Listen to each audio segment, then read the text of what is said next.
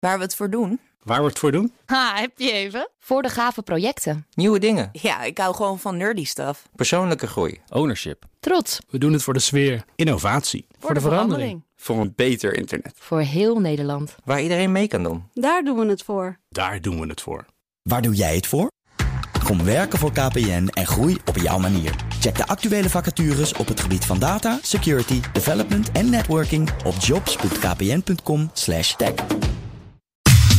Wetenschap vandaag. Het Nederlandse ruimteinstrument Tropomi heeft een veel grotere methaanuitstoot van Australische kolenmijnen onthuld dan het land zelf opgeeft. Wetenschapsdirecteur Carlijn Meijners is aangeschoven. Tropomi is een satelliet die eind 2017 werd gelanceerd in samenwerking met ESA. En die satelliet maakt allerlei metingen mogelijk. Onderzoeker Ilse Abe van Esselhon vertelt wat er precies gemeten wordt. We praten zo direct over methaan, maar het meet niet alleen methaan. Het meet ook ozon, uh, koolmonoxide, zwaveldioxide, stikstofdioxide, nou nog een aantal. En dat doet hij wereldwijd in één dag. Brengt de hele aarde in kaart in één dag, waarbij elke individuele meting, nou afhankelijk van welke stof het is waar we het over hebben, maar voor methaan is dat, kijkt hij naar een gebiedje van 5,5 bij 7 kilometer. Ja, dat is heel nauwkeurig. Tropomi heeft uh, vier detectoren daarvoor aan boord. En uh, die uh, meten, detecteren golflengtes in infrarood, zichtbaar en ultraviolet licht. En door dan gemeten zonlicht te vergelijken. Ik ga nu even heel kort uitleggen hoe een hele moeilijke techniek werkt. Nee, ik vind dat je heel goed bezig bent. Probeer te volgen. Door het gemeten zonlicht te vergelijken met het licht dat de aarde terugkaatst, is dan weer te berekenen hoe bepaalde concentraties gassen bijvoorbeeld zich in de atmosfeer ontwikkelen. En dat doen ze dus nogmaals voor de hele aarde in één dag. Oké, okay. en hoe belangrijk is het nou om ook die methaanuitstoot dan zo te meten? Heel belangrijk. Methaanuitstoot draagt bij aan ruim een kwart van de opwarming van de aarde.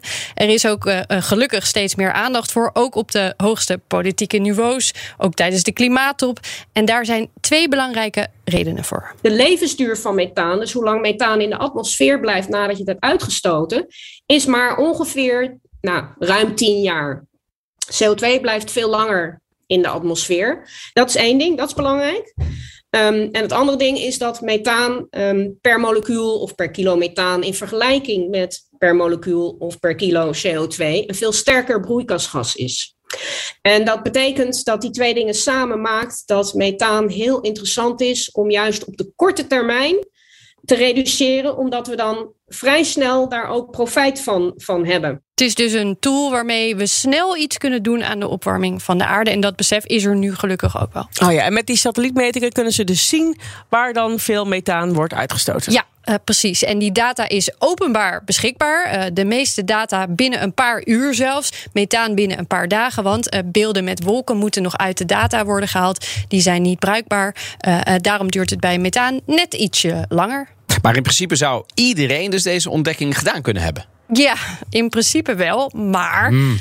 Esron heeft een belangrijke rol gespeeld hè, bij het ontwikkelen van dit instrument. Ze hebben de software ontwikkeld om de meting om te kunnen zetten naar hè, over welke methaanconcentraties hebben we het eigenlijk. Dus dan is het niet zo heel erg gek dat ook juist deze wetenschappers regelmatig met zo'n methaanprimeur komen. Ik wil ook zeggen iedereen. Ik bedoel, ik val er niet onder. Hoor, ik, ook niet, uh, ik ook niet als nee, simpele Er zijn alpha. vast ook mensen die hier, ja. andere wetenschappers ja, die hier ook iets mee zouden ja. kunnen. Maar goed, wat hebben ze nou dit keer precies ontdekt? Ze zagen dus in die data, dit is data uit 2018, 2019, een paar hele lokale hotspots van methaanuitstoot in Queensland, Australië. Toen zijn ze gaan kijken, wat, wat zit daar dan? Het ging om zes kolenmijnen, verspreid over drie locaties. En ze zagen dat die kolenmijnen zo'n twee keer de hoeveelheid uitstoten van wat er werd gerapporteerd.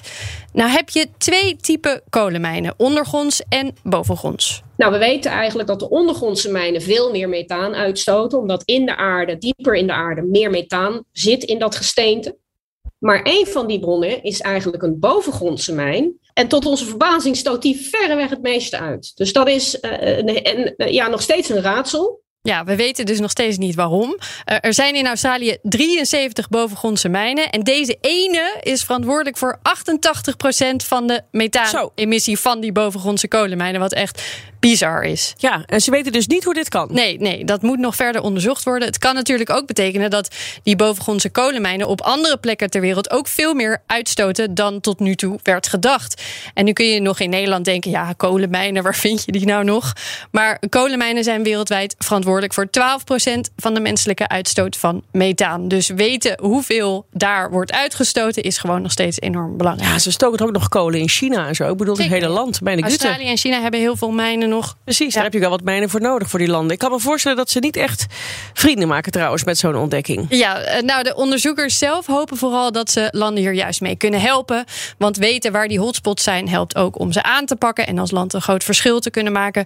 Nou zijn er en worden er nog een aantal methaansatellieten gelanceerd, maar die zoomen juist heel erg in. Die gaan een beetje kijken naar 20 bij 20 meter, dus veel, veel meer ingezoomd dan Tropomi doet.